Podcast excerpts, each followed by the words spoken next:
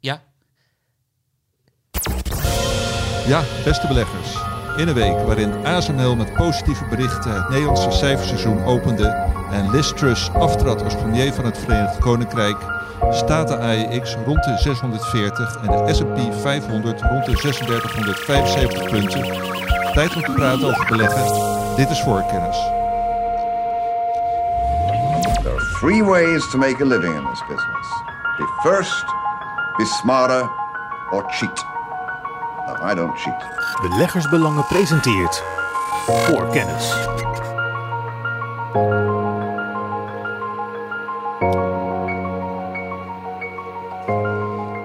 Ja, beste beleggers, leuk dat jullie weer luisteren. Ik ben Johan Brinkman en ik mag eh, vandaag weer de presentator zijn. En bij mij aan tafel zitten mijn collega's Hilde Laman en Karel Merks. We hebben vandaag twee hoofdonderwerpen. Eh, we kijken naar vier ETF's die Karel ruim een jaar geleden heeft eh, getipt op eh, alternatieve indexen en met sterk defensieve accenten. En ja, dan zou je dus inderdaad verwachten dat in een berenmarkt waarin we nu zitten, die ETF's het goed gedaan hebben. Maar we gaan kijken of dat zo in de praktijk ook is gebeurd. En Hildo heeft gekeken naar Nederlandse aandelen en dividend. En dividend met eh, de nadruk op eh, ja, de perceptie van de belegger wat nou typische dividendaandelen zijn en wat niet. En eh, we kijken of dat imago waar is. En daarbij verraad ik eigenlijk ook al dat dat niet altijd het geval is. En dat beleggers daar dus mooie lessen uit kunnen trekken. Maar we beginnen met terugblikken zoals altijd. En dan begin ik dit keer met Karel. Wat is mij opgevallen afgelopen week? Dat eigenlijk alles wat ik volg weer eh, een beetje meer extremer is gegaan.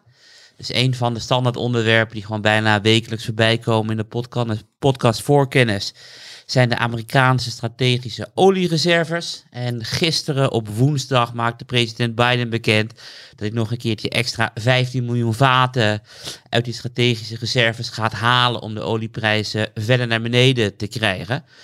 En dan herhaal ik altijd maar weer, hoe meer olievoorraden er worden eh, verkocht op de markt, hoe hoger uiteindelijk de olieprijzen zal gaan. En het begint volgens mij steeds meer beleggers beginnen dat eh, ook door te krijgen. Want eh, ook gisteren op woensdag bereikte ExxonMobil bijna een nieuw all-time high. Nog 0,7% eh, daaronder. Dus wat dat betreft gaat alles voor het thema eh, hartstikke goed. Ja, en eventjes Karel, je zou denken meer aanbod is een, eh, is een lagere prijs. Maar dat is dus niet het geval.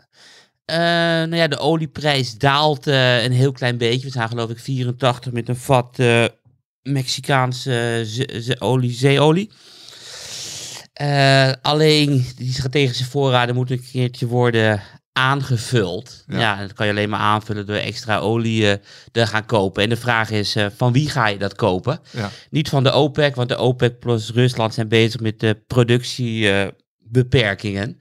dus dat thema loopt nog wel een eindje door. Maar wat ik ook nog wilde vertellen, dat wel heel erg opvallend is hoe onrustig de beurs is. Ja. Want als we kijken naar eh, de VIX, dat is de beweeglijkheidsindex eh, van de S&P 500. Die is al negen dagen eh, niet onder een stand eh, van 30 geweest. En 30 is een beetje de grens tussen eh, nou ja, onrust en, en flinke onrust. Ja. En dat hadden we dit jaar nog niet eerder gehad. Want elke keer als we een stand boven de 30 zagen, waren we twee of drie dagen later weer onder de 30. En we zijn er nu alweer negen dagen boven. Dus de beurs is al twee weken heel erg onrustig. Ja, nou ja, en je ziet dat bijvoorbeeld bij de AEX dat eh, nou, de ene dag eh eh, 2% eraf, de volgende dag eh, anderhalf procent eraf, dan weer een keer 2% erbij, enzovoort. Klopt, het zijn echt eh, hele extreme bewegingen. En nu herinner ik mij een discussie die ik met jou twee weken geleden had over, eh, volgens mij was het 1983, dat de Ja. meest extreme beursuitslag dit, jaar in de Verenigde Staten een min was van 1,9 procent. Ja, En nu is het allemaal heel erg, heel erg volatiel. En als je bijvoorbeeld kijkt naar vandaag, naar eh, de Japanse yen. Die is op dit moment voor een Amerikaanse dollar krijgen er eh, meer dan 150. In het begin van het jaar was het nog 112. Dus de yen is met 35% onderuit gegaan in 10 maanden. En ik volg nu de markt eh de ruim 20 jaar. Ik heb nog nooit gezien dat een van de grootste valuta's wereldwijd in 10 maanden een derde van zijn waarde verliest. Dus Nee. het is wel, eh, wel heel erg heftig. zeker. Ja, en interessant. Hildo, wat... Mag eh, ik nog een paar andere oh, je puntjes mag- eh, ik dacht eh, vertellen? Dat, je, dat je netjes 1, 2 deed. Nee, het is gewoon een 1, 2, 3, 4, 5 trapsraket eh, waarschijnlijk. Want ik bedoel, het begint wel op te vallen dat het inflatiethema in Europa eh, steeds erger begint eh, te raken. Want Hongarije moest melden dat de inflatie inmiddels tot eh, ruim 20% eh, is gestegen. En dan denk je van, nou ja, dat moet wel het slechtste inflatiecijfer van de afgelopen tijd zijn. Dat was niet zo, want vandaag, eh, donderdag, maakte de Duitse overheid bekend dat de Duitse producentenprijs, dus de prijzen Ja. die bedrijven onderling aan elkaar rekenen in onze, in onze oosterburen, met 46% gestegen zijn.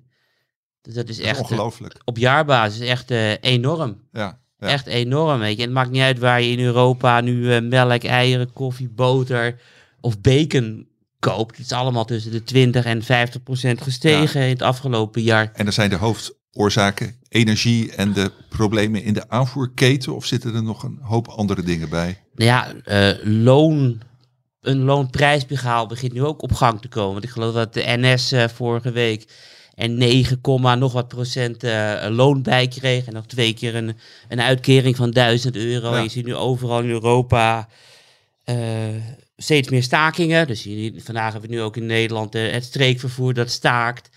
En in Frankrijk staakt het openbaar vervoer. En ik heb weer met verbazing gekeken naar, naar Groot-Brittannië. Want daar zijn ze nu met een, eh, met een wet bezig die gaat verbieden dat eh, mensen in het openbaar vervoer tegelijkertijd eh, mogen gaan staken. Ja. Zodat ze altijd een dienstregeling kunnen hebben. Dus het is wel weer eh, bijzonder wat er allemaal aan de hand is.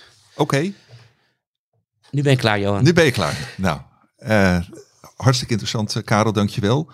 Eh Hildo, jij hebt ook eh, eh, eh, teruggeblikt. Wat zijn jouw belangrijkste punten? Nou, wat ik een eh, hele interessante vond, eh, was eh eh Tatatu. Gisteren is op de beurs in Parijs het aandeel Tatatu eh geïntroduceerd. Ik, ik verzin die naam niet. Nee. Het is eh, echt een, eh, een bedrijf. Ja, Ehm, en dat verdubbelde er meteen. En ja vandaag wat, staat wat het weer doen ze? hoger. Tatatu? Ehm, ehm, nou, laat ik eerst even beginnen bij waar ik mee begon. Ehm, Oké, daar viel, daardoor viel het me op. Het aandeel verdubbelde meteen. En in dit beursklimaat vond ik dat best wel knap. ja, Eh, en het is eh, vandaag weer gestegen. Het staat nu op eh, 4 miljard waarde. oké. Eh, wat ze doen, het is een eh, social media platform. Ehm, maar zij eh, willen gebruikers betalen voor hun data en social media gebruik. Ehm, dus je, eh, als jij daar, eh, als jij op het platform van Tatatu zit, dan krijg jij geen euro's, helaas, voor de gebruikers, maar TTU-coin. Dat is een, als ik het goed had begrepen, een crypto-munt die Ja. bijzonder weinig eh, waard is per stuk. Volgens mij iets van 2000 cent of zo. Nou, Ja. in ieder geval niet veel. Nee. Ehm, eh, en dat is op zich, op zich is zo'n dat, dat systeem natuurlijk een, eh, een interessant idee, want er is natuurlijk heel veel kritiek op allerlei eh, social media platforms. Ehm, maar ik heb, ben er eens even door het prospectus heen eh, gegaan en ik heb toch wel een aantal grote vraagtekens. Ehm, de eerste die ik heb is, eh, is bij de omzet. Eh, volgens eh, volgens de, dat, dat prospectus heeft het bedrijf vorig jaar een omzet geha- eh, gehaald van ongeveer van bijna 50 miljoen, iets van 47, 48 miljoen. Ehm, en ze hadden ze maar 100.000 gebruikers aan het eind van het jaar. En dat betekent dat je per gebruiker op een omzet zit van eh 500 euro. Ja. Even ter vergelijking, Meta platforms met eh, de bekende Facebook en Instagram haalt ongeveer 40 dollar per eh, gebruiker. Dus ze zitten eh, ehm, 12 keer zo hoog. Ehm, nou, dat vind ik op zijn zachtst gezegd opvallend, laat ik het zo zeggen. Ja. Ehm, het is mogelijk dat zij op een soort kip met de gouden eieren zitten. Dat ze gewoon een briljant idee hebben en dat het eh, geld eh, binnenstroomt. Maar ehm, ja, ik, ik, ik, ik stel er bij vraagtekens bij. Hoe kan dat? Dat, het, dat adverteerders kennelijk dan zo ontzettend veel enthousiaster zijn over Tatatu dan eh, andere social media. Dat is, nou, het is een vraagteken. Ehm, ik heb niet het hele prospectus gelezen. Misschien staat er een briljant antwoord in. Dat zou eh, heel goed kunnen. Ja, Maar ja, nou ja, voor de mensen die dat eh, willen ontdekken, ontdekken zetten we de prospectus eh, in de show notes. Maar even, Hildo, sinds hoe lang bestaat dit bedrijf, weet je dat? Mm, nou, dat, het werd me ook niet helemaal duidelijk. Volgens mij, de, het social media platform nog maar enkele jaren. Ja, Maar het ja, bedrijf bestaat al langer. Maar dat is, het het is een beetje een, een beetje een warrig verhaal, vond ik zelf. ja. Maar zoals ik al zei, ik heb niet alles gelezen. Dus misschien als je alles leest, dan komt het wel uit. Maar wat ik een ander opvallend eh, punt vond, Ja. was dat het een beetje iets weg heeft van ehm, multi-level marketing. Ehm, en dat, is, dat staat beter bekend als piramidespel. Ehm, want het idee is dat, stel, Karel, die eh, meldt zich aan als gebruiker bij, eh bij Tatatu, of die heeft dat al een half jaar geleden gedaan. En eh, die haalt jou, Johan, en mij haalt hij daarbij als nieuwe gebruikers. Ja, En wij gaan dan vervolgens op dat platform, weet ik veel, video's kijken of andere dingen doen. Dan krijgen wij daar dus eh, TTU-coins voor. Maar een gedeelte van die TTU-coins moeten wij afdragen aan Karel. En Ja. als wij weer nieuwe mensen aan, eh, aanbrengen, ja. dan gaan die ook weer TTU-coins voor ons opbrengen. Maar van de, die opbrengst moeten wij ook weer een gedeelte aan Karel eh, eh, geven. Ehm, nou, dat, dat, eh, er zijn meer bedrijven die zo werken, maar ik zelf, ehm, eh, ja, ik heb daar nooit zo'n fijn, fijn gevoel bij, want het, is, het, het riekt toch een beetje naar oplichting, dat soort dingen. Dus ik vind het een beetje een opvallende manier van werken, waar, waar ik ook een beetje wantrouwig van word. Ehm, het is natuurlijk wel een manier om snel gebruikers te krijgen. Want het eh, aantal gebruikers is, eh, was eind augustus al 350.000. Dus dat is hard opgelopen. ja. Ehm, want het is natuurlijk, het klinkt heel aantrekkelijk. Als jij een van de eerdere bent, dan zou het zomaar kunnen dat jij heel veel TTU-coins kan scoren. Of je dat wil, die TTU-coins, dat is een tweede. Maar goed, ehm, het is Ja. op zich opvallend. En een laatste heel opvallend feitje vond ik dat op die omzet, eh, als je naar de, gewoon naar de jaarrekening kijkt, heb je dus een omzet van bijna 50 miljoen. En de personeelskosten over dat jaar waren dus maar liefst 180.000. Dat vond ik lachwekkend laag. Ja. En volgens prospectus hebben ze, hadden ze acht personeelsleden in dienst. Ehm, dat vond ik ook een heel, eh, heel opvallend iets. Hoe kan een bedrijf met 50 miljoen omzet zo weinig personeel hebben en zo lage, zulke lage personeelskosten? Dat is eh, een, eh, ja, vond ik ook Ja. een, een groot raadsel. Nou ja, gezegd. dat kan ik me voorstellen. Maar dit eh, klinkt ook als een bedrijf wat zeg maar tot en met medio vorig jaar het op de beurs heel goed zou kunnen doen. Omdat toen die gekte heerste.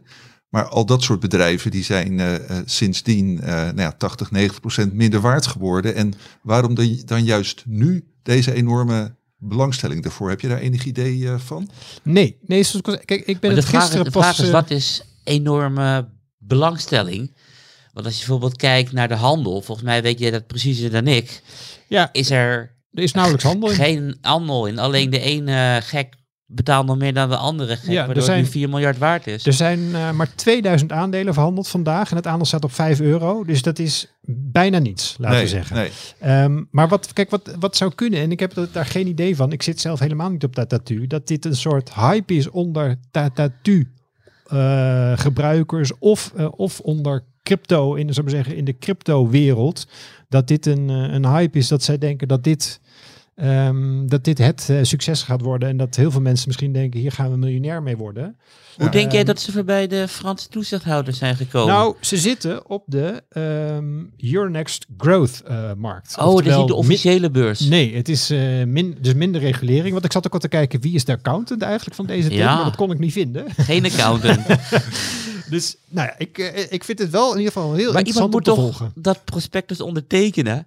Ja, dat, de- nou ja, eh, Of hoeft dat niet op die nieuwe beurs? Hoeft dat niet? Nou, ik, ik, ik dacht dus onderaan staat, meestal staat er zo'n grote accountantsverklaring, maar die kon ik dus even niet vinden. Eh, zoals ik al zei, ik heb niet elke pagina doorgenomen, dus misschien heb ik verkeerd gekeken. Ehm, maar eh, laten we, ja, zo, ik blijf erbij. Ik, ik vind het heel interessant om te volgen, maar ik zal er geen cent in steken. Hoe ben je erbij gekomen? Ik zag gewoon toevallig een persbericht langskomen van eh, succesvolle IPO. En toen dacht ik, oh, dat is op zich wel opvallend in In deze jouw markt. mailbox.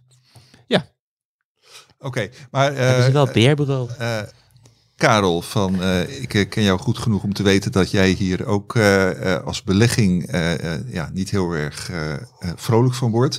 Maar als je nou puur als naar Karel de social media gebruiker kijkt, want je hebt daar veel ervaring in, je, je zit overal op. Is dit dan iets wat jou toch triggert van, hé, hey, daar wil ik eens lid van worden? Nee, want ik denk dat social media al redelijk volwassen is geworden. Dus ik bedoel, wat gebruikt iedereen? WhatsApp. Eh, op een gegeven moment werd WhatsApp werd overgenomen door eh, meneer Zuckerberg. En dus iedereen, we kappen met WhatsApp. We gaan met z'n allen naar Telegram. Nou ja, dat was een trend van twee weken en we waren weer terug op WhatsApp. Ik, zit al sinds 2007, zit ik regelmatig eh, op Twitter. We zijn ook alweer 15 jaar, dus ik heb een beetje het gevoel dat het spel wel is verdeeld. En dat je echt iets heel goeds moet brengen. Wil je mij nog verleiden om ergens anders te gaan kijken? Oké, nou, eh, helder eh, antwoord. En eh, nou, ik ben heel benieuwd eh, over, eh, nou, pak een beet, eh, een paar maanden of een eh, half jaar waar Tatatu dan, dan staat. Hilde, die is ons vast eh, op de hoogte houden. Misschien wel in de kakkeral. Ja, Want ik bedoel, we, zaten dit van- tempo. we zaten vanochtend even te kijken. Je hebt 6 miljard beurswaarde nodig om in de kakkeral te komen. Ze hebben er Ja. nu 4. Ja, Misschien ze zijn zijn ze hard op weg. Oké, nou luisteraars, jullie weten wat jullie te doen eh, staat. Eh, ga naar Tatatu, maar niet heus. Eh, eh, in ieder geval niet als, eh, als belegging. En eh, eh, nou, interessant onderwerp, Hildo. eh dankjewel. En eh wou ik de, de terugblik eigenlijk afronden met een vraag aan jullie beiden. Om bij Hildo te beginnen. Waar heb je vandaag, eh, vandaag eh, afgelopen week in, eh, in beleggersbelangen over geschreven? Nou, het grootste artikel van mij dat eh, ging over eh, de drie Nederlandse chipmachinefabrikanten eh, die op de beurs genoteerd zijn. De bekende ASML, ASMI en eh, Bezi. En ik heb daar verschillende scenario's voor doorgerekend. Ehm, en dat, dat is eigenlijk omdat er nogal, ja, er speelt nogal wat in die, in die chipwereld door eh, de recente nieuwe regulering in de VS. En tegelijkertijd zitten we met ehm, neergaande economie wereldwijd. Dat merk je op de chipmarkt. Ehm, en ehm, nou wilde ik eens een, in verschillende scenario's voor de komende jaren doorrekenen hoe dat voor die bedrijven zou kunnen uitpakken. Ehm, dat heb ik gedaan voordat ASML met de cijfers kwam. Eh, en woensdag ehm, eh, uit het persbericht van ASML kon ik al meteen opmerken, opmaken dat, ASM, dat als je naar ASML kijkt, dat de effecten van al die bedreigingen ehm, erg lijken mee te vallen op dit moment. En ook zover zij eh, in de toekomst voorzien, eh, valt het allemaal wel mee. Ehm, dus dat vond ik eh, in ieder geval weer opvallend. Maar goed, daar ben ik. Dat is een, het belangrijkste artikel voor mij de Ja. afgelopen week. Ja, en heb je ook al naar Bezi kunnen kijken, de cijfers? En Ja, dat was een stuk minder dan, eh, dan ASML. Maar Bezi is, eh, is traditioneel ook ehm, gevoeliger eh, voor, voor conjunctuurbewegingen, in voor, voor de cycli in die, in die sector. En dat, dat zie je ook in die eh, ehm, berekeningen van, van die, die drie scenario's die ik heb gemaakt voor al die aandelen. Eh, zie je dat terug. Dat in het, eh, ehm, bij Bezi gaat het allemaal wat harder. Als het slecht gaat met de markt, dan gaat het met Bezi een stuk slechter dan met ASML. eh, maar daar tegenover staat, als het eenmaal weer goed gaat, dan gaat het met Bezi ook weer harder de, de goede kant op. Dus het, het is, dat is wat meer het snelle werk Ja, bij Bezi. ja. Het gaat hard, hard omhoog, maar het kan ook hard omlaag met die, met die omzet. En ASML is allemaal iets stabieler. Nou, ik zet het artikel in de show notes. Ik heb het gisteren ook met veel plezier gelezen. En eh, nou, het geeft in ieder geval eh, de belegger eh, flink houvast als je wil weten van nou, welke kant kan het met de Nederlandse chippers opgaan. Karel, wat wil jij noemen als belangrijkste wat jij afgelopen week hebt geschreven? Netflix zonder twijfel. Het was het bedrijf waar ik het meest naar uit heb gekeken dit kwartaalcijferseizoen. Het was een soort maak het of kraak het. Zou het gemaakt worden op het moment dat ze weer zouden groeien of wat ze zouden krimpen, zou waarschijnlijk eh, de groeiperiode wel eh, voorbij eh, zijn geweest. En het eerste half jaar kromp, kromp Netflix. Nou, de reden was dat ze 750.000 eh, Russen hadden afgesloten. Ja. En de gedachte was dat ze nu ook weer zouden kunnen gaan krimpen met het idee hoge inflatie. Ik heb een beetje een andere mening dan heel veel andere mensen. Dus ik denk eh, in tijden van inflatie ga je juist eh, naar Netflix toe. Omdat een jaarabonnement eh, op Netflix eh, goedkoper is dan met z'n tweeën naar eh, Euro Disney park in Parijs of een ander pretpark. Dus ik denk we gaan lekker bezuinigen op al die uitjes. En we gaan meer eh, gezellig met de familie op de bank series kijken. Ja. Dat kost geen benzine natuurlijk. En het kost, kost ook geen benzine. En ehm, Ja, zo'nzelfde soort redenering eh, las ik gisteren ook in een eh, stuk eh, van onze collega Menno. Volgens mij ging het over PepsiCo. Dat de mensen ook gewoon doorgaan met het ja, blijven drinken van, van cola en wat, wat knabbels erbij.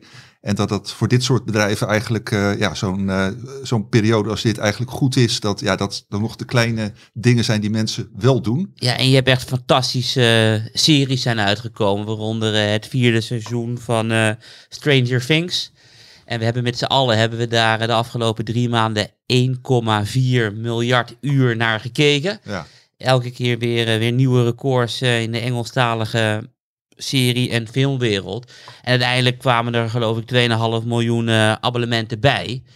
En schoot Netflix met, eh met 13% omhoog. En nu zijn we weer bezig om eh, ja, een beetje meer wat normalere koers eh, te krijgen. ja, ja. Oké, interessant. Ook dit artikel zet ik in de show notes. En ik maak een eh, bruggetje naar het eerste hoofdonderwerp. Voorkennis. Ehm, ja, eh, Nederlandse aandelen en dividend. Eh, voor mensen die eh, beleggersbelangen volgen, misschien niet de meest logische combinatie. Ik bedoel dat omdat de dividendportefeuille en ook de hoogdividendportefeuille die wij bijhouden, dat daar weinig Nederlandse aandelen in zitten. Met name meer Amerikaanse en ook andere Europese aandelen. Eh, daarom is het extra leuk dat Hildo heeft uitgezocht. Hoe zit dat nou met het dividend van eh, Nederlandse aandelen? Wat zijn nou eh, in ieder geval in de volksmond typische dividendaandelen? En klopt dat dan ook? Hildo, wat kun jij daarover zeggen? Nou, ehm, eigenlijk, het, het was niet zozeer dat ik, eh, ehm, dat ik heel erg geïnteresseerd was in eh, Nederlandse dividendaandelen. Maar ehm, eh, ik volg dus eh, onder andere Bezi voor, eh, voor beleggersbelangen. En ik weet van Bezi dat ze al jaren vrij hoge dividenden uitkeren.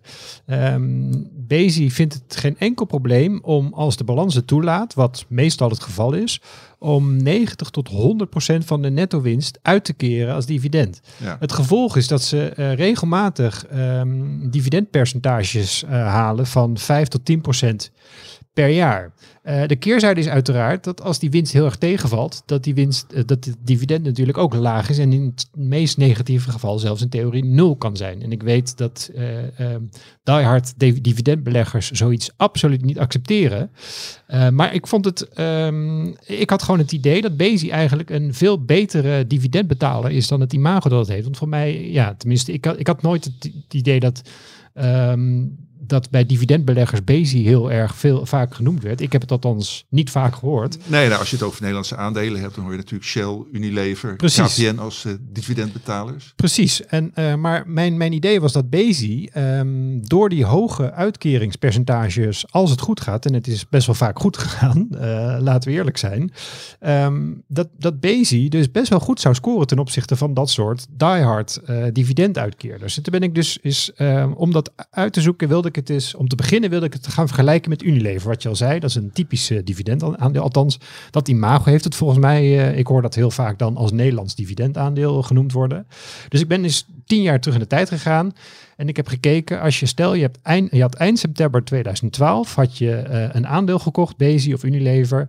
eh, tien jaar aangehouden tot eh, eind september eh, 2022. Hoeveel cash dividend heb je dan ontvangen? En welk percentage ten opzichte van die aankoopprijs heb je dan gekregen? Ehm, dat heb ik dus gedaan voor Bezi en Unilever. En wat schetste mijn verbazing? Bij Unilever kwam ik uit op net geen 50%. Eh, dus je hebt, eh, als jij in 2012 had gekocht, dan had je 50% van die investering na 10 jaar in dividenden teruggekregen. Ja. Nou, dat is leuk. Maar bij Bezi is dat 460%. Oké, Dus ehm, het typische eh, aandeel eh, eh, wordt eh, nou, niet alleen rechts ingehaald, het, wordt, het, het is niet meer te zien op de kaart Nee, nee. waar eh Bezi staat ten opzichte van Unilever. En toen ben ik eens, dat vond ik zo'n opvallend verschil, toen ben ik eens verder gaan kijken naar andere aandelen. Ik heb niet alle Nederlandse aandelen uitgezocht, ik heb er 24 gepakt.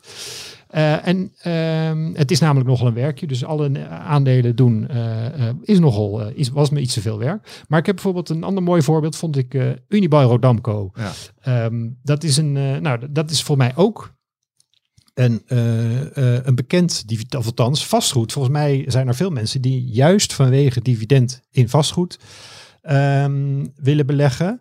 Ehm, en dat kwam op, eh, op 48% als ik het eh, goed had onthouden. Ja, Eh, in ieder geval onder de, onder de 50% ja. Eh, dat vond ik ook nogal opvallend. En bijvoorbeeld ASML. En ASML heb ik zelf nooit gezien als dividend aandeel. Dat, Nee. dat keert meestal iets van 1% eh grofweg uit.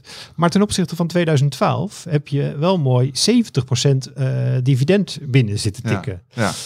Ehm, En komt dat dan omdat, eh, ja, eh, nou ja, eigenlijk de afgelopen tien jaar, eh, ja, de bedrijf, die bedrijven die je noemt het ook gewoon echt heel goed hebben gedaan, in een opgaande cyclus zaten en daardoor zo veel hebben uitgekeerd? Of, Tuurlijk is dat een eh belang, want daar wilde ik nog aan toekomen wat, wat, wat dan de, de lessen zijn. Dat zal ik zo doen. Ehm, dat is een belangrijke factor, maar bijvoorbeeld ook Aperam, wat toch een vrij sterk cyclisch bedrijf is. Aperam ehm, scoort ook heel st- sterk met bijna 100% ehm, eh, dividend sinds eh, 2012. Eh, dat is dus ook aanmerkelijk hoger dan Unilever. Terwijl Aperam, ja, eh, ik, ik heb ook, hoor dat ook nooit als eh, typisch eh, dividendaandeel.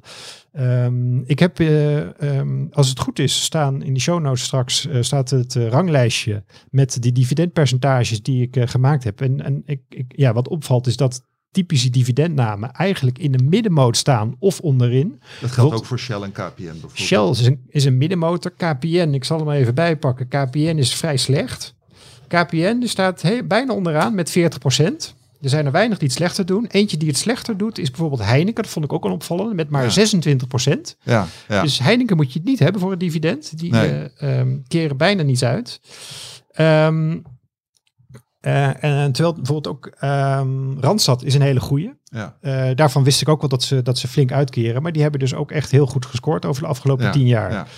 Eh, en eh, nou, om dan weer terug te komen op die lessen. ehm, wat denk ik een, ook een, naast wat jij zei, wat ook een hele belangrijke is, is de aankoopprijs. Dus als jij ehm, een, op een relatief of een redelijke of lage waarde zo'n aandeel koopt, ja, dan gaan die dividenden die je die, die tien jaar daarna, of, of hoe lang je er ook in zit, ja. eh, die je ontvangt, ehm, die leveren natuurlijk percentueel meer op dan als jij een hele hoge ja, prijs moet betalen. Dus dat is hem. En 2012, eh, september 2012, toen, eh, toen zat het allemaal wat tegen op de beurs. Dus dat waren niet de hoogste koersen. Ehm, zeker niet ten opzichte van wat we later hebben gezien. Dat waren niet de allerhoogste koersen waarop je bent ingestapt.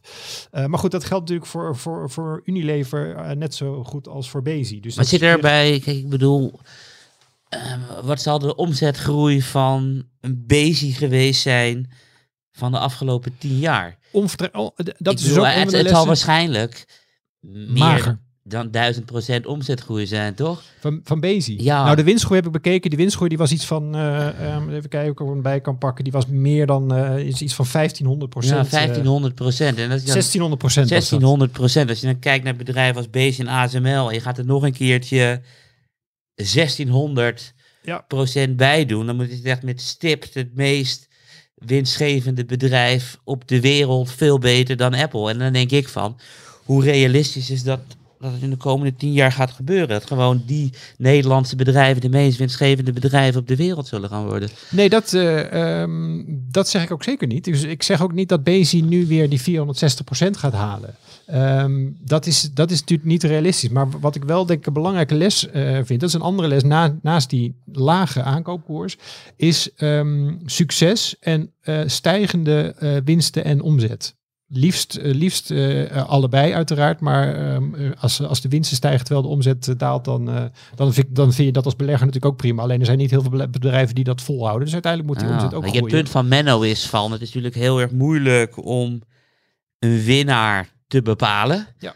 En Menno denkt van ja, als elk jaar gewoon het dividend flink omhoog gaat en dividend blijft altijd maar omhoog gaan, dan volgt uiteindelijk die koers de dividenden wel. En als je dan een bedrijf probeert te, pip- te pikken waarvan de koers gaat exploderen en de winsten en de dividenden volgen, dat lijkt mij veel moeilijker. Ja, maar dan kom je dus, ja, wat ik dus, want dan kom je dus bij Unilever uit. Want dat is steady en safe. Eh, maar dat blijkt achteraf blijkt dat dus absoluut niet eh, eh, een, een goede keuze te zijn geweest. Want wat ik zo interessant, stel je voor. Oh, een goede, goede keuze in de zin van Nou, achteraf- dat je de, de helft van je aankoopbedrag na tien jaar hebt goedgemaakt.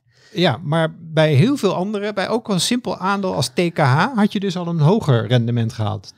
Ehm, dus het, het- want het is niet alleen maar Bezi die eh, hoger scoort. Bijvoorbeeld Ahold scoort ook al een stuk beter. Er zijn eh legio bedrijven die beter scoren dan Unilever. Dus ik denk... Ook gecorrigeerd voor het, voor het risico. ehm, Dus, ja, dus, dus, dus in de zin van, ik weet Nee. dat ik volgend jaar nog Kijk- eh, mijn Ben Jerry ijsje eet. ja, Ehm, is, is helemaal waar. Maar ehm, nee, de, tu- tuurlijk. eh, alleen, ehm, het is niet zo dat Unilever geen risico loopt. Dus het is niet waar dat, dat Unilever een soort obligatie is die altijd zal blijven betalen. Die Unilever eh, loopt ook, daar loop je ook als belegger eh, risico. En ik, kijk, het enige wat ik wil zeggen, ik wil niet zeggen dat, dat je Unilever nooit moet hebben. Ik wil alleen zeggen dat je als belegger ook wel eens kan kijken naar ehm, aandelen die, met, die misschien niet zo'n eh, stabiel eh, dividendrendement hebben, maar op de lange termijn eh, wel een, een goed percentage opleveren. Dat wel eens veel hoger kan liggen dan zo'n hele stabiele uitkeerder. Eh, en, en aan Unibail, eh, Rodamco kun je zien, want dat, dat, eh, dat aandeel, als je dat in 2012 had gekocht, dan sta je dus nu gewoon op verlies. Terwijl dat ook een steady betaler was, waarvan iedereen dacht, ja, die, die keren gewoon elk jaar uit, dat groeit heel langzaam. ik denk dat jij een gedeelte van onze luisteraars overtuigd hebt. En waarschijnlijk vragen ze zich dan af van, welk aandeel moet ik nu Precies. hebben? En- ik hoef niet dat stabiele Unilever te hebben. Ik wil gewoon een heel hoog eh, dividendrendement uiteindelijk behaald hebben. Dus welke Ik- moet ik hebben? Ik, eh, ja, dat, eh, die- dat, dat vond ik zelf. dat, dat, dat is natuurlijk een hele logische vraag. Dat, dat is ik zelf ook te denken. Ehm, en omdat ik, ik ben nou eenmaal geen kenner van al deze bedrijven. Ik volg Unibouw Rodamco verder niet. Dus dat vind ik dan een moeilijker. Maar ik vind bijvoorbeeld wel Bezi. Ehm, het is een sector waarvan ik niet verwacht dat die in één keer gaat instorten. Is, is het cyclisch? Absoluut. Het is zeker cyclisch. Ehm, maar die cycli die bestaan al decennia. Ehm, en de kans is gewoon vrij groot dat, dat, dat Bezi die eh, cyclus weer gaat overleven. En, en Bezi, zoals het er nu naar uitziet, eh, zou het dividend volgend jaar, eh, wat je dus uitgekeerd krijgt over 2022, ehm, dat zal ergens 5, 6, 7 procent kunnen zijn. Wat toch voor een minder goed jaar, wat dit jaar toch wordt, het is niet slecht, maar ook niet heel erg goed, is dat toch een behoorlijk goed percentage. Ehm, en als het als 2023 heel slecht wordt, dan is het daarna misschien nul. Wie weet, ik, het is al heel lang geen nul meer. Dus ik, ik, het is niet dat het mijn voorspelling is, maar dat zou kunnen. Maar als het daarna eh, weer heel goed gaat en het is weer 10%, dan zit je gemiddeld toch op een heel aard- aardig percentage, wat al een stuk hoger is dan bijvoorbeeld Unilever. Dus ik kan in ieder geval over Bezi. Ik, ik zou, als ik nu zou moeten wedden, wat eh, is er, heeft over vijf jaar een hoger dividend eh, eh, opgeleverd ten opzichte van vandaag, Bezi of Unilever, dan zou ik mijn geld op Bezi zetten. Oké, jij ook Karel? Want jij bent een Unilever-fan, mag ik dat zo zeggen? Ja, dat mag je zo zeggen. Ik denk in ieder geval dat bij, bij Unilever de risico's eh, een heel stuk lager zijn, omdat het een veel stabieler bedrijf is.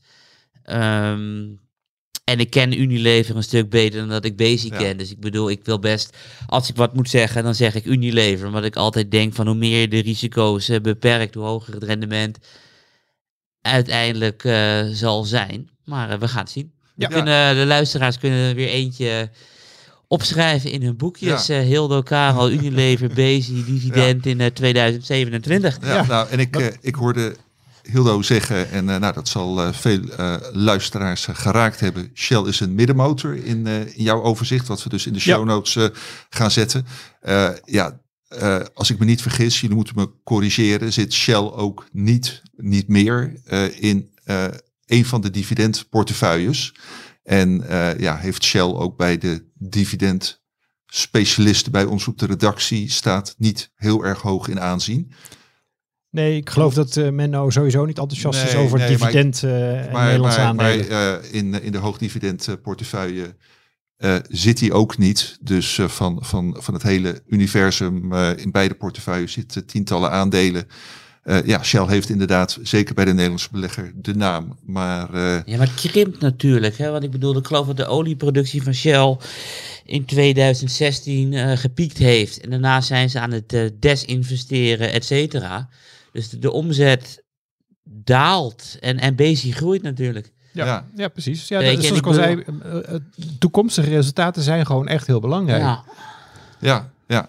Nou ja, eh, super interessant en eh, een mooi, eh, mooi onderwerp. Ehm, als we daarover uitgepraat zijn, gaan we naar het volgende hoofdonderwerp. Voor kennis. Ja, Karel, dat gaat dan over eh, vier ETF's die jij, als ik me niet vergis, augustus vorig jaar hebt eh, getipt. Klopt. En eh, ja, kun je om te beginnen uitleggen wat voor soort ETF's dat waren en waarom je dat artikel toen op dat moment hebt geschreven? Ja, op dat moment had ik het geschreven omdat de beurs eh, verschrikkelijk goed ging. Dus Ja. natuurlijk, eh, wat is het, negen maanden daarvoor eh, ging Trump eruit, Biden erin en we hadden een vaccin tegen COVID. Ja, Dus alles vloog omhoog. En op het moment dat alles omhoog vliegt in een boelmarkt is het leuk, maar er komt altijd weer een berenmarkt aan. En in een berenmarkt wil je overleven. En ik denk dat het best overleven valt met bedrijven die, eh, die goed draaien. Dus ik heb een aantal ETF's uitgezocht met onderliggende indices met, om het even lekker kort op de bocht te zeggen, bedrijven die goed draaien. En ik wil even eentje ETF eruit lichten. En dat is de FTSE eh, Ravi-index. En deze index belegt in de grootste Amerikaanse aandelen. ja, En de weging is afhankelijk van eh, vier verschillende criteria. Dit zijn eh, omzet van het bedrijf, de vrije kaststroom van het bedrijf, de boekwaarde en eh, het dividend. En hoe groter deze grootheden, hoe zwaarder eh, de weging is. En de S&P 500 is net iets anders opgebouwd. eh, de 500 grootste bedrijven in de Verenigde Staten. Het gaat puur op basis van beurswaarde en wat de, wat de verwachting daarvan is. Ja. Dus om maar even een voorbeeldje te noemen. In welk aandeel zit heel veel fantasie? Dat is Tesla, omdat iedereen verwacht dat zij de wereld zullen gaan veroveren. Dus Tesla weegt bijvoorbeeld 1,9% mee in de S&P eh, 500. Alleen als je dan kijkt naar die andere hele grote bedrijven, die hebben veel meer omzet, kaststroom en boekwaarde en ook eh, dividend.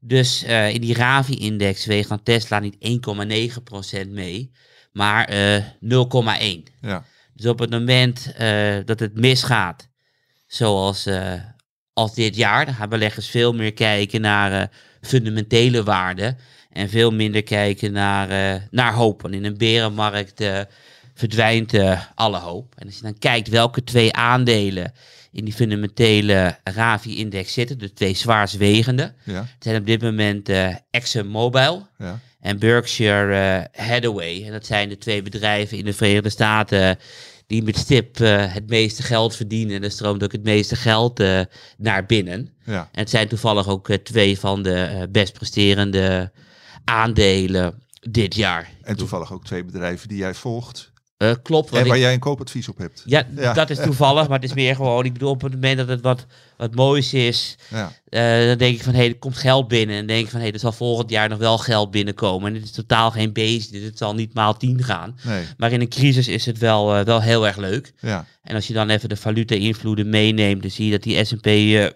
500 eh 10% in de min staat dit jaar. ja. En die Ravi-index staat nu eh, een procent in de plus. 10% in de min maar, de S&P 500? Ja, valuta hè? Valuta neem ik mee. ja, ja, ik kijk ja. altijd vanaf, eh, vanaf Europa. Dus Ja. ik bedoel op het ja, moment... in, eh, in, in, eh, in dollars Dollar eh, meer. ruim 20% eh, Ja. denk ik. Ja, Ja, klopt. En die andere staat dan 10% eh Ja. in de min. Dus gewoon ruim 10 procentpunten beter. Maar ik bekijk alles van de, van de eurobelegger. Ja, nee, gelijk heb je. Uiteraard. Ja. Dus wat dat betreft eh, eh, gaat het heel erg eh, goed. Ja, En het grappige is dat hoe langer je gaat kijken in de geschiedenis, hoe beter die fundamentele index eh, relatief presteert ten opzichte van de S&P 500. ja, Dus we hebben vanaf deze eeuw heeft de S&P 500 inclusief dividend eh, 330% eh, rendement gegeven. ja, En die Ravi-index zit op eh 626 ja, omdat het gewoon elke keer die enorme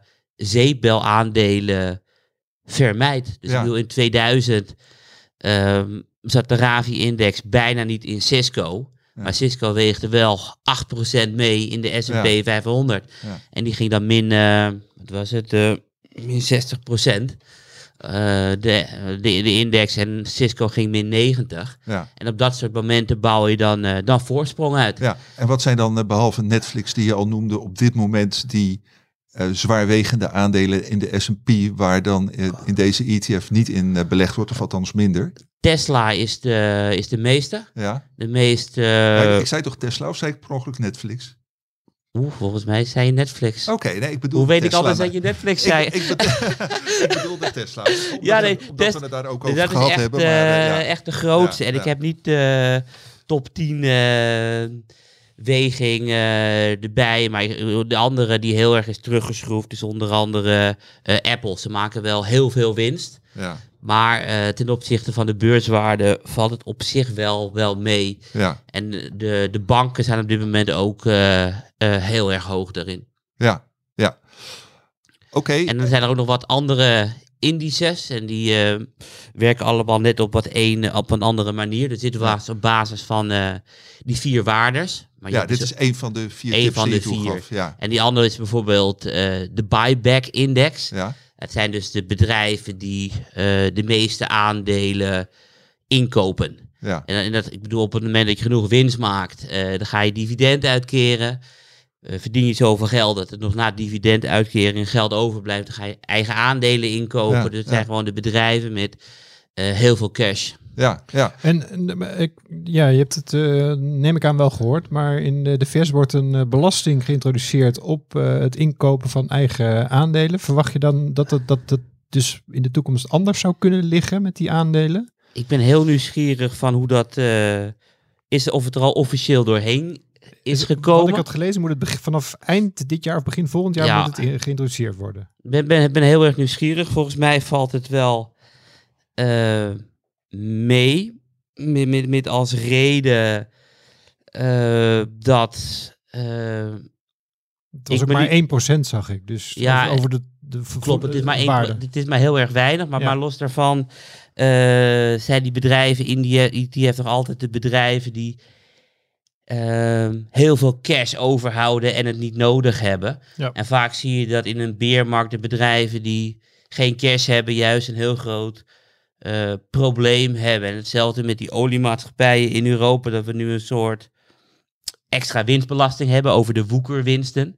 Maar ja, als je dan van alle woekerwinsten een derde moet inleveren, dan mag je nog altijd twee derde houden.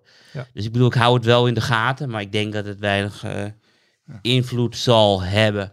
Volgens mij eh, doet Menno er ook niks mee, want hij heeft ook heel veel aandelen in de dividendportefeuille die eigen aandelen inkopen. Ja. Ja. En misschien wordt het meer dividend, maar Hey, maar even over Bezi nu en terug naar het eh, vorige onderwerp. Want ik krijg eh, bijna wekelijks een, eh, een persberichtje van Bezi dat ze weer eigen aandelen ingekocht hebben. Eh, Ja. Terwijl ze toch eh, ja, zeer ruimhartig dividend eh, uitkeren.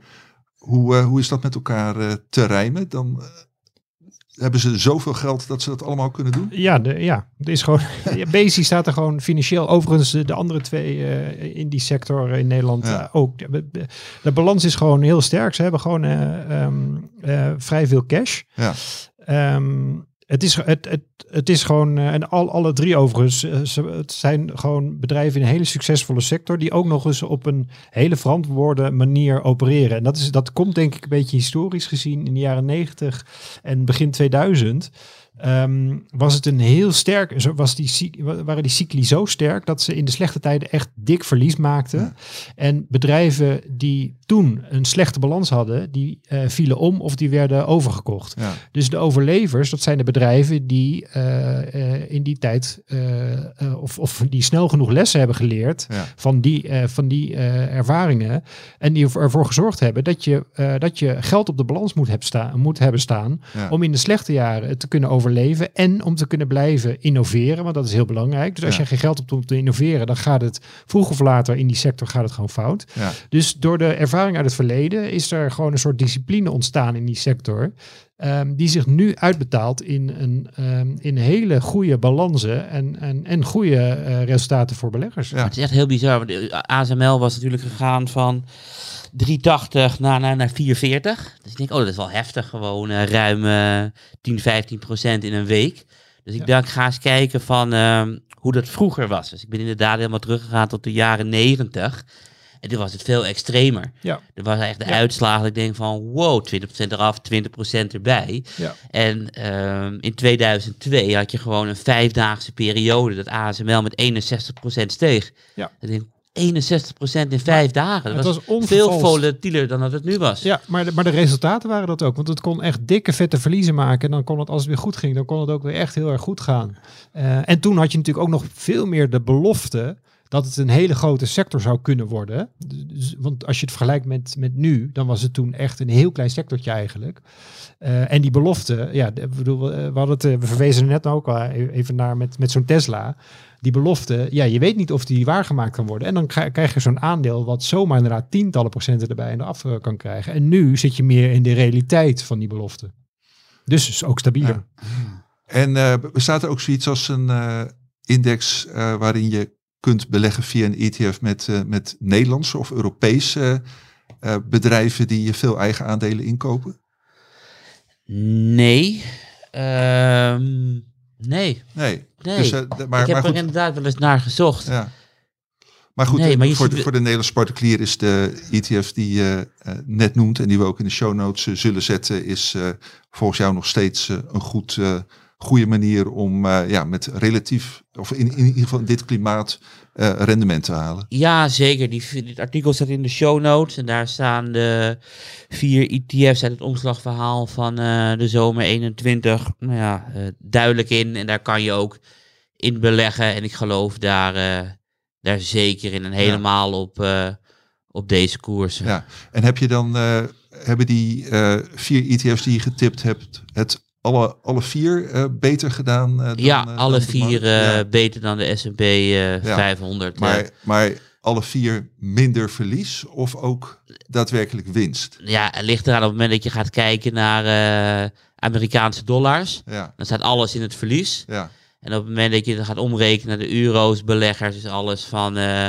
een paar procent tot iets in de plus. ja, ja. Dus eh, dan in ieder geval geen, eh, geen geld verloren, wat altijd eh, belangrijk is. Nee, klopt. En het grootste rendement komt ook nog op het moment ehm, dat de beermarkt over is en we gaan verder naar een boelmarkt. Want dan zie je toch wel die bedrijven die gewoon echt sterk zijn, harder omhoog lopen dan bedrijven die het niet overleefd hebben. Ja. Dus ik denk dat er nog wel wat in het vat gaat zitten. Ja, nee, maar dat vroeg ik me inderdaad af. Van jij hebt vorig jaar deze eh, ETF's getipt op een moment dat eh, nou, de bomen tot in de hemel groeiden.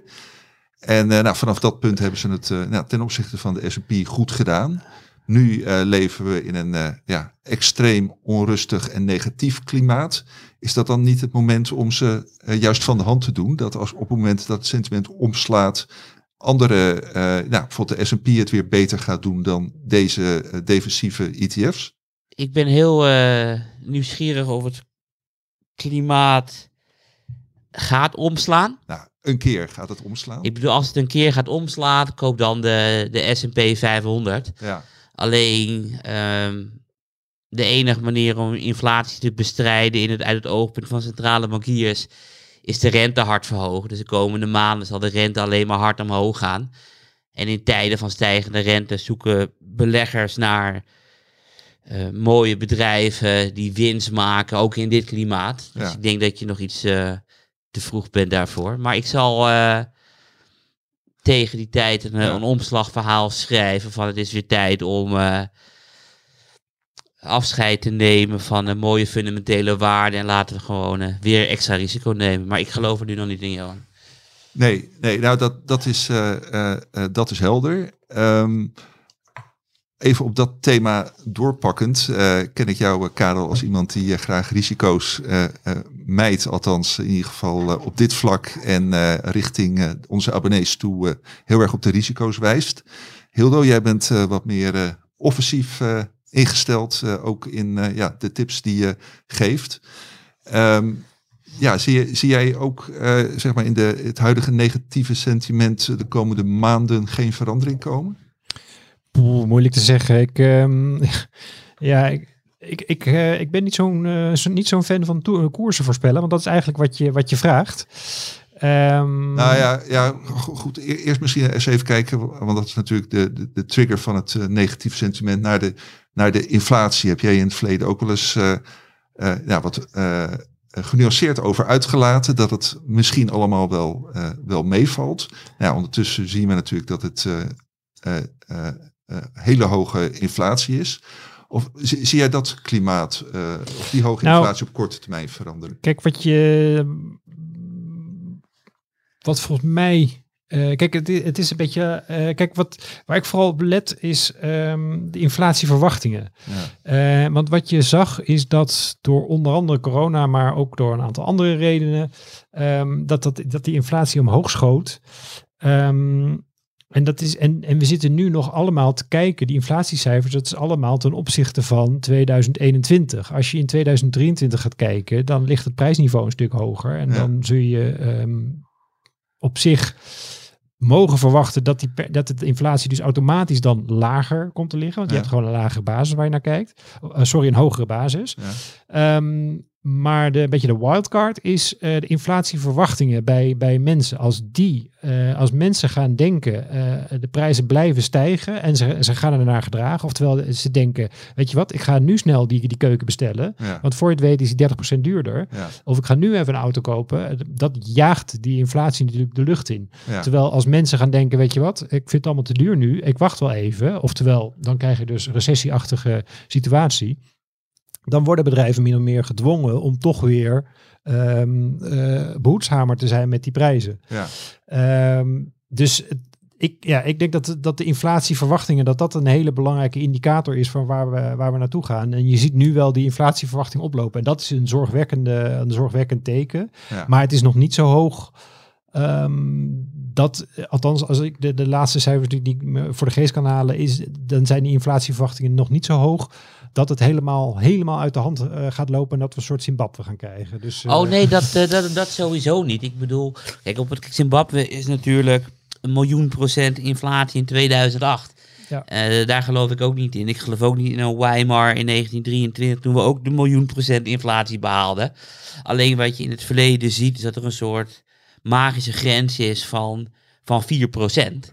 Dat boven 4% presteren aandelen niet goed, onder 4% presteren aandelen eh, wel goed. Dus op het moment die inflatie komt sowieso eh, naar beneden vanwege die basiseffecten, zoals jij zegt. Maar ja, stel dat van, eh, we zijn in de Verenigde Staten 8,3 en we gaan naar 7, we gaan naar 6, we gaan naar 5, we gaan naar 4.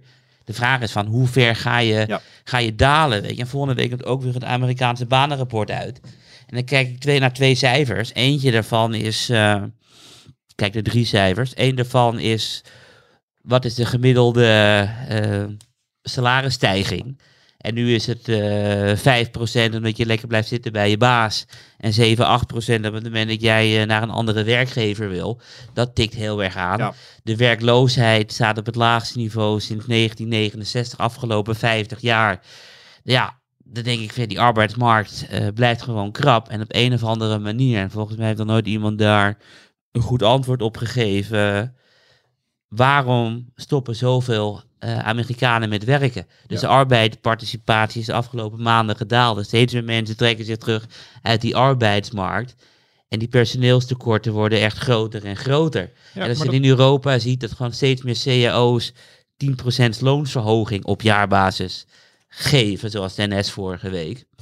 Dan denk ik van ja, misschien komt er wel een loonprijsspiraal. Het is, een, het is een hele bijzondere periode. Want als je het vergelijkt met de jaren 70, eh, de, de- wat je toen had, was die hoge inflatie met hoge werkloosheid. Dat zie ik nu totaal niet gebeuren. Dus we zitten, want ik, ik zie nog steeds, eh, althans wel veel minder, maar ik zie nog steeds mensen die voor stagflatie waarschuwen. Maar daar zie ik gewoon geen enkel Ja, maar stagflatie is oplopende werkloosheid, economische krimp en inflatie. Ja, En ik maar bedoel, die oplopende op het werkloosheid, moment dat jij niet. gezond bent, eh, heb je morgen een baan als je wil. Precies.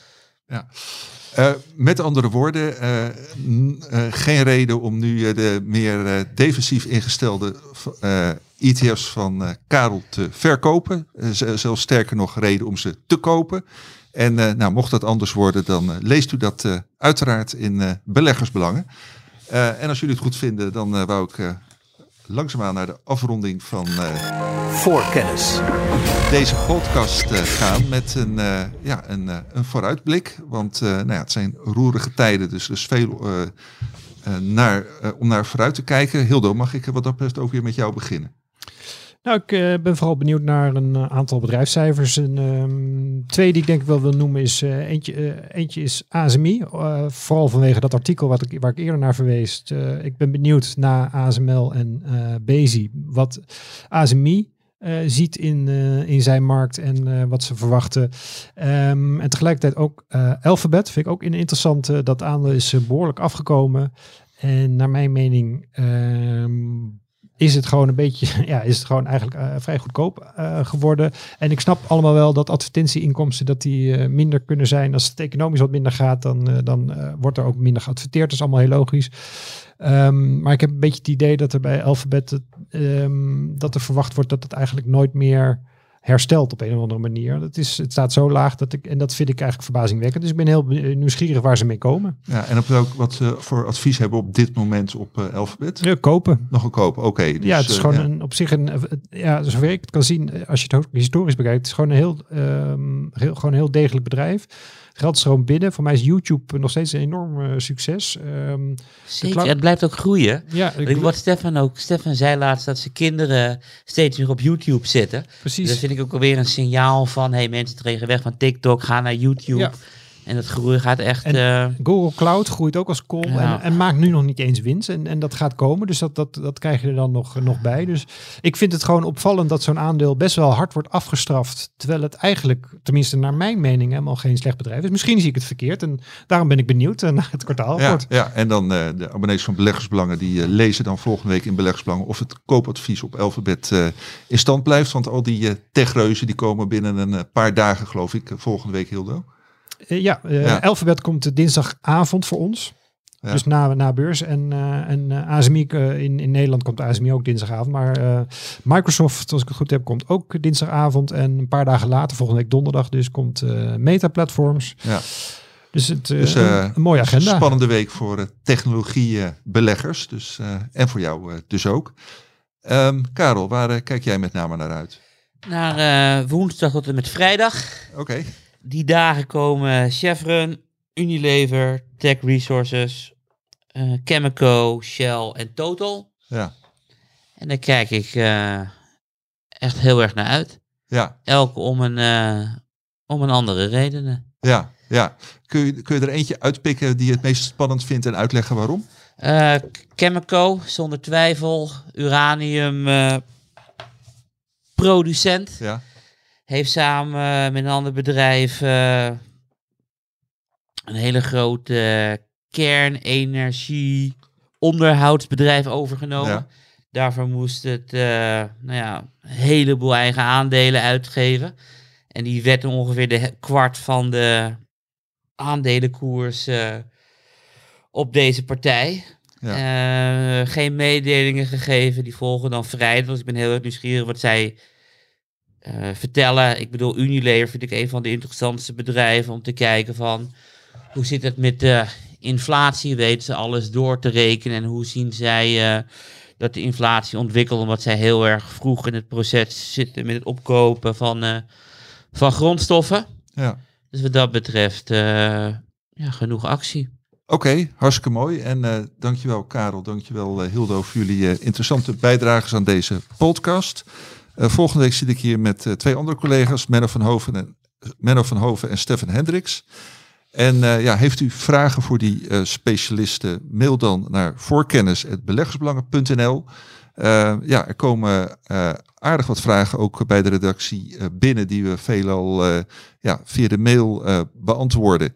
Uh, dus dat zullen we ook, ook blijven doen. En wie weet vinden we uw vragen ook wel zo interessant om hier in de podcast te bespreken. Eh, ja, nogmaals dank eh, heren en u eh, dank luisteraar en tot volgende week.